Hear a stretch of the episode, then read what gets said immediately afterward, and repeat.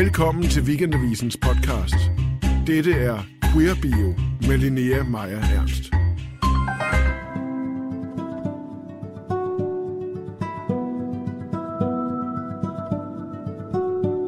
Der var en gang, hvor man slet ikke kunne afbillede homoseksualitet eller transpersoner på film. Højst via hemmelige koder. Og så efterhånden, så dukker man op på film men mest som sådan skurke, psykopater, nogen der har hemmeligt dametøj i skabene. Så kommer der film om sygdom, om AIDS, om mennesker, der ikke må få dem, de elsker og bliver smidt ud hjemmefra. Så kommer de positive karikaturer og de glade bøssevenner i tv-serierne. Øh, og nu efterhånden får vi også øh, film om rigtige mennesker.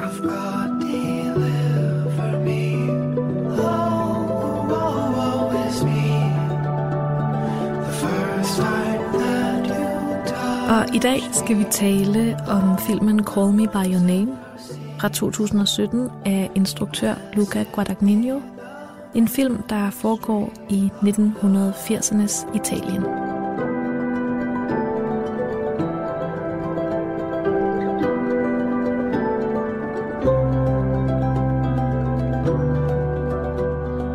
Du lytter til Queer Bio. Mit navn er Linnea Maja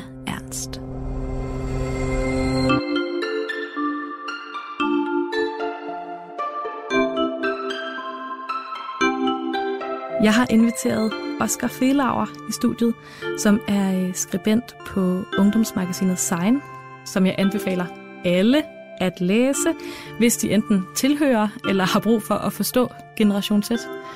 Og øh, ja, velkommen til dig. Det kan være, at du også lige vil sige noget om, om dig selv. Ja, øhm, ja, jeg hedder Oscar. Jeg er 19 år, øhm, så rimelig ung, ifølge alle mennesker omkring mig. Øhm, ja, hvad kan jeg mere sige? Øhm, jeg skriver for Sign, som du siger, øhm, om alt muligt. Blandt andet Call Me By Your Blandt Name. andet Call Me By Your Name.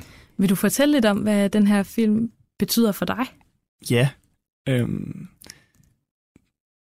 jeg kan måske sige det sådan, at første gang jeg så den, var jeg bare... Altså, jeg ved, jeg ved ikke, om man kan kalde det. Det var jo ikke sådan et jordskred, eller det var ikke, fordi der skete et eller andet helt nyt, men det var bare en helt vildt dejlig filmoplevelse. Mm. Eller sådan, den var bare... Altså, ja, på en eller anden måde var det ligesom bare det, det var. Altså, selvom den er sørgelig også, så gik jeg meget opløftet Yeah. ud af biografen. Altså sådan, og jeg var bare sådan, øh, jeg slugte den bare. Altså jeg sad bare, jeg ville aldrig have, at den skulle slutte. Nej. Altså jeg ville bare gerne have, at det skulle være mit liv, og jeg bare skulle sidde enten og leve i det der fantastiske sommerhus, eller øhm, bare sidde og se den film for evigt. Det var helt, helt vildt dejligt. Det er også en, en særlig film, fordi den netop, som du siger, den er sørgelig, men den er ikke tragisk i den forstand, som rigtig mange øh, film med et queer-tema har det med at være tragiske, fordi der er ikke der er ikke nogen, der dør, og der er ikke nogen, der skal have tæsk. Altså, der er en helt anden sådan harmonisk stemning. Ja. Og den dybe sorg, som så får plads i filmen, den udspringer faktisk af en, en enormt ægte sørgelig kærlighedshistorie, som er langt mere nuanceret, end hvad vi plejer at få lov at se mellem to af samme køn, tænker jeg. Ja, præcis, fordi måske er grunden til, at den er tragisk, egentlig at den handler om en kærlighed, der er meget, meget større, end de ligesom selv kan rumme, mm. eller meget større end et parforhold eller sådan noget kan rumme, ikke? Så på en eller anden måde handler den jo ikke om, hvor tragisk det er, men hvor smukt det er, Mm. eller sådan.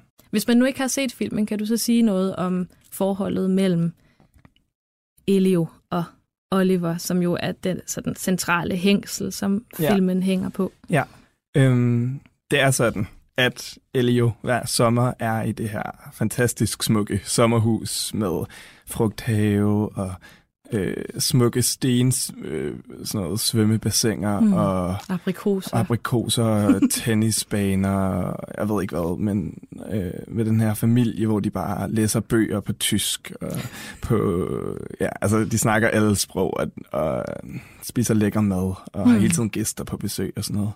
Øhm, men hver sommer har de så en øh, sommergæst, tager faren ligesom ind, som hjælper til, eller hjælper faren med hans arbejde, som mm. et eller andet akademisk. øh, og så til gengæld får hjælp til at skrive på sine egne ting. Og den sommer, som man så følger, er det amerikanske Oliver, der er på besøg, øhm, som er sådan lidt arrogant, mm. umiddelbart, og er svær at komme ind på livet af.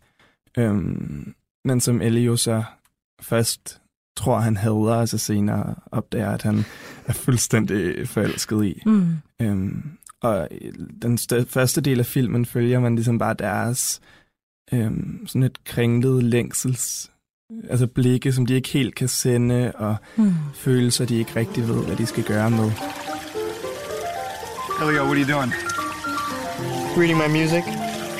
No, you're not. Thinking, then. Yeah? About what? It's private. You're not gonna tell me? I'm not gonna tell you. He's not gonna tell me what he's thinking about.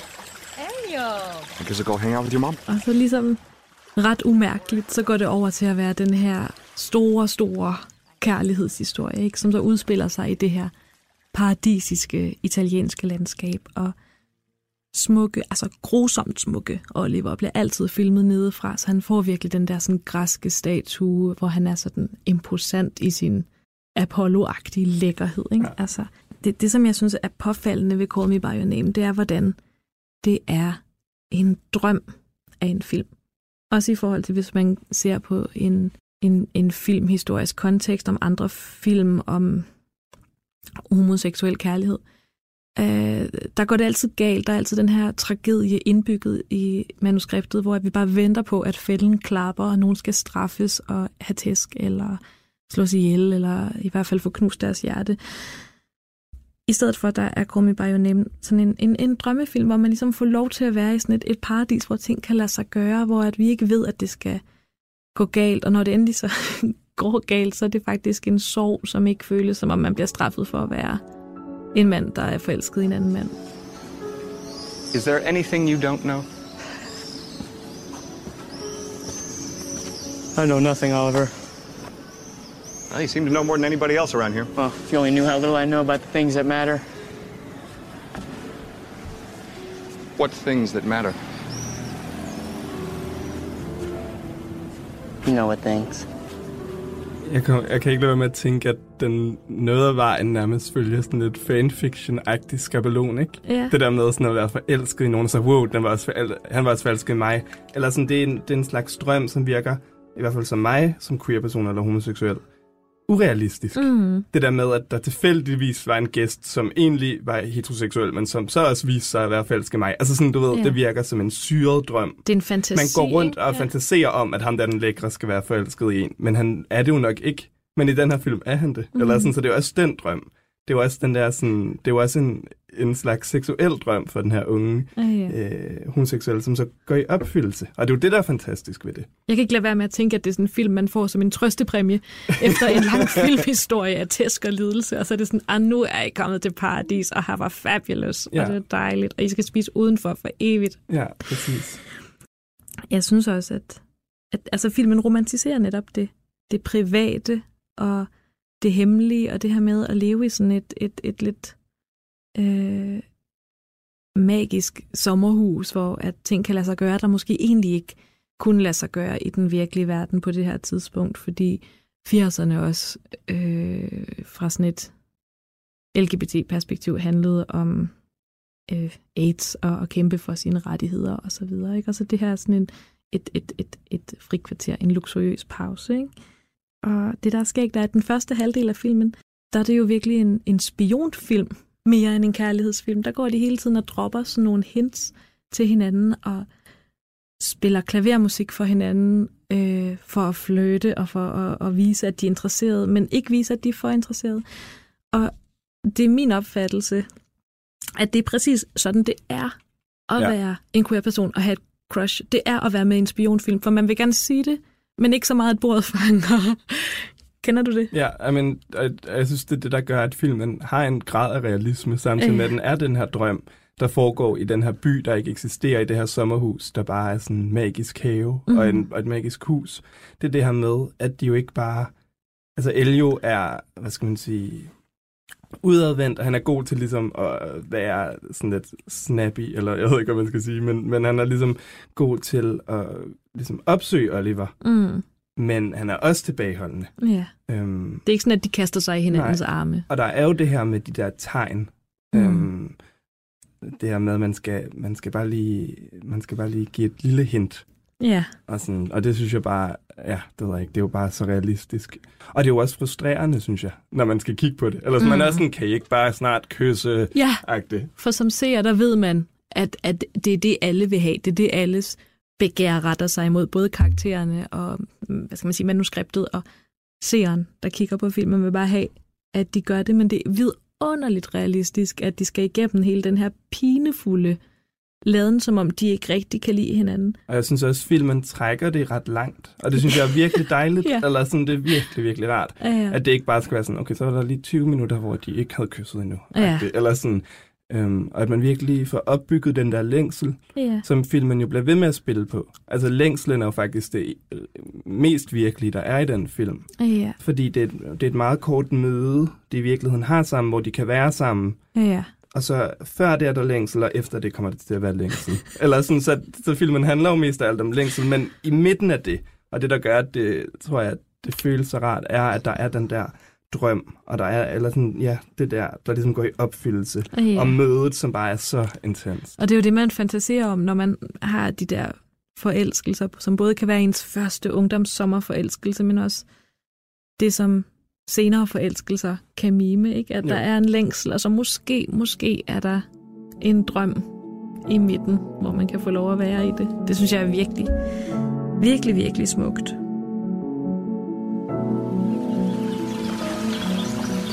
I like the way you say things.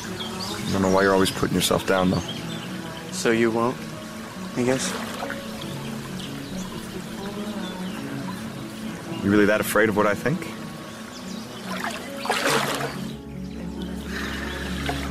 Things very difficult for me.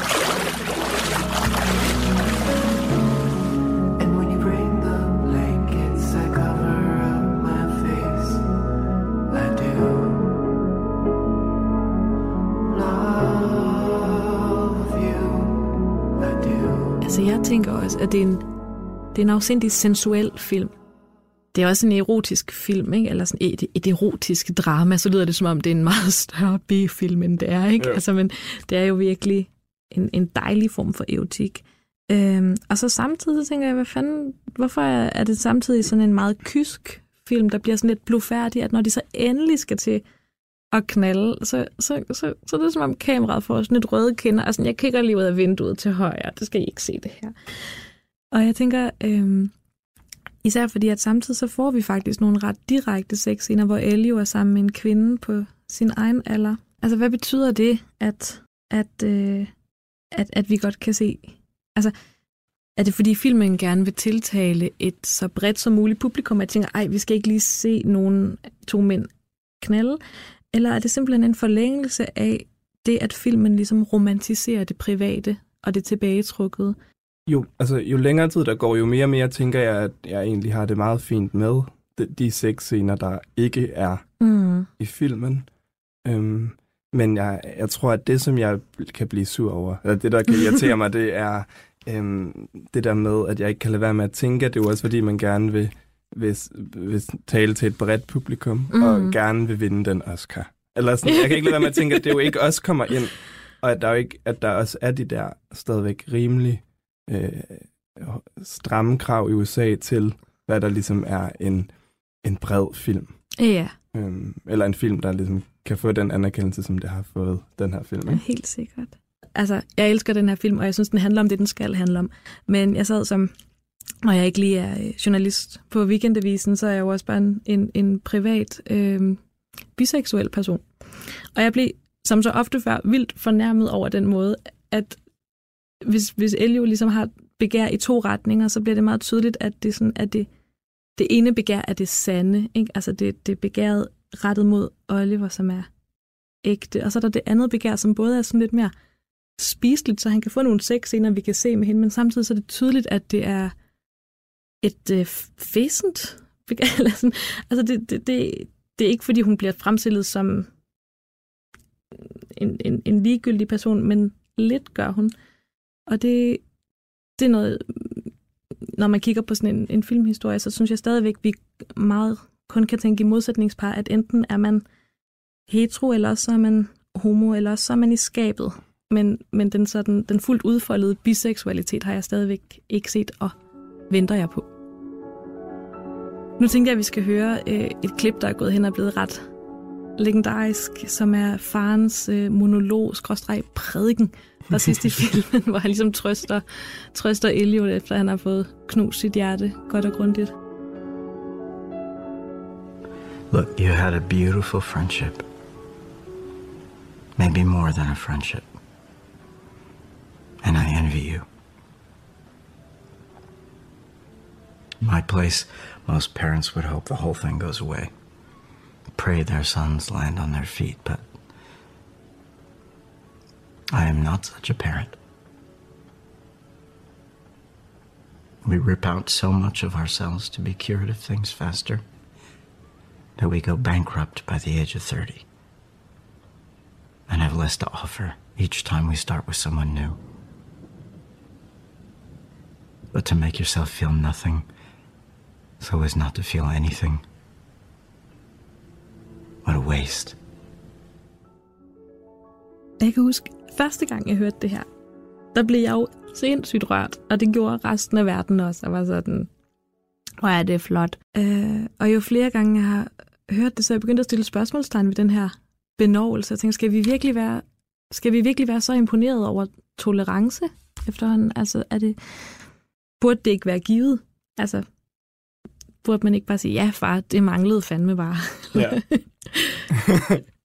øhm, jo, og jeg forstår sagtens, hvad du mener. Jeg tror også, jeg har det lidt på samme måde. Øhm, jeg, det var sjovt, fordi nu hvor vi hører det igen, så er det det der med, at jeg begynder med det samme at være sådan, jamen han har også ret. Altså i de ting, han siger. Mm. Altså, sådan, nu er der også lige det der, jeg skal også lige huske, at jeg ikke lukker de her følelser. Eller sådan, du ved ikke, om det er det samme ind i mit eget følelsesliv. Så det er som om, det ligesom åbner sådan, ja, op til mig Ja. selv. Øhm, men i forhold til det andet, så tror jeg også bare, at det er jo også et led i det der med det uproblematiske forældreforhold. Øh, Altså normalt i sådan en her film, så vil det enten hedde, øh, for eksempel i sådan en film som Love Simon, den der, der kom ud i år, der er, er der jo sådan en vildt irriterende scene, hvor forældrene er sådan, we accept you, -agtig. Og sådan, det, sådan har den jo ikke, altså den er jo held, mm. altså heldigvis meget mere diskret i sin mm. måde ligesom at, at være sådan en accept-scene på. Samtidig med, at det bliver det der med, at de behøver ikke engang snakke om det. De behøver ikke Nej. engang snakke om det med, at Oliver er en mand, eller voksen, eller er rejst væk. Det handler mere om Elios egne følelser mm. på en eller anden måde. Og han havde måske sagt det samme, hvis det havde været en pige, han havde været lige så voldsomt forelsket i. Det tænker jeg er filmens pointe i hvert fald. Jeg tænker også, at det her er et af de punkter, hvor den virkelig løsriver sig fra en queer filmhistorisk kontekst. Ikke? Fordi, at, som du siger, det vil altid være sådan, at forældrene står som nogle modstandere. At vi har en, en hovedperson, der har et eller andet problematisk begær, og forældrene bliver på en eller anden måde et overjeg, eller noget, der står for en konvention, der så holder, holder den stakkels hovedperson tilbage. Og det, der er så fint her, er, hvordan det ikke er en bekymring. Altså tværtimod, så har vi de her forældre, der bare kigger sådan lidt alvidende, som om de faktisk ved det bedre. Ja, jeg har sådan en fornemmelse af, og jeg ved ikke, hvor rigtigt det er, men at der hele filmen igennem er sådan noget med, at så går Elio ud af en, eller sådan ud af en dør, Ja. og så følger Oliver efter lidt, og så kigger moren lige op, og så kigger hun ned igen. og så har man den der fornemmelse af, de holder øje, Ja. de ved godt, hvad der sker, de passer på Elio, men de trænger ikke ind, mm. og de har ikke, de er ligesom ikke moralske i forhold til det overhovedet. Yes. Og så til en afslutning, så går der jo rygter om, at der kommer en, øh, en Call Me By Your Name 2, en sequel. Og jeg vil bare spørge dig, hvad, hvad du tænker, at vi kan forvente os af den, eller hvad vi helt utopisk kunne drømme om, Ja. at det var for en film. Der kommer også en bog mere, gør der ikke det? Jo, jo, Har han det, ikke det, sagt, at han skriver en bog? jo, det var så fedt, fordi det var jo mega drama, selvfølgelig. Ja. Fordi at... Jamen, fordi manuskriptforfatteren til filmen var sådan, jeg kan ikke tro, at vi laver en toer, fordi det ville jo kræve, at Andre Asiman øh, skrev en to, fordi det var ham, der har skabt de her karakterer, og så tweetede han forfatteren sådan, Actually, I would love a sequel. Actually, I'm writing one. og det gør de så nu. Men bare sådan helt kort, hvad, øh, hvad vil være den bedste af alle nye Call Me By Your Name-film? Jeg synes, det er et helt vildt svært spørgsmål.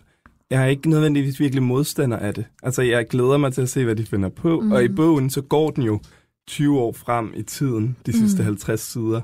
Men det synes jeg var helt vildt hårdt, de der 50 sider.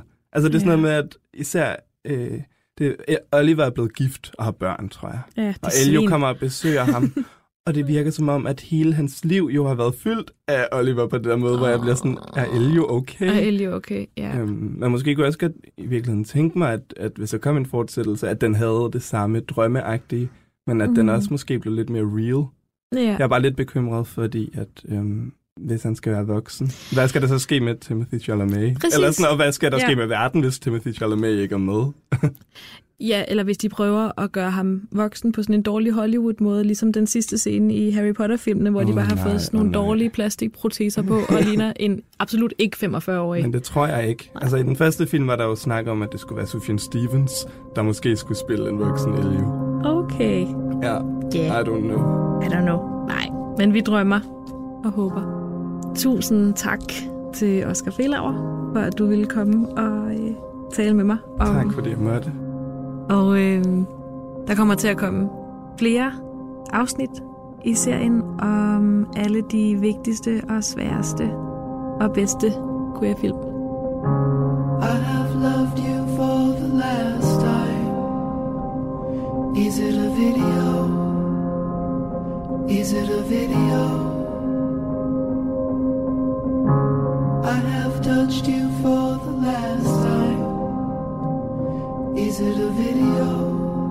Du har lyttet til Weekendavisens podcast Queer Bio. Programmet var klippet og produceret af Silke Fensmann, og musikken er lavet af Peter Christian Sejersbøl. Og vi har i dag brugt klip fra Call Me By Your Name og musik af Sufjan Stevens og Andre Plant. Is it a video? Is it a video? Is it a video?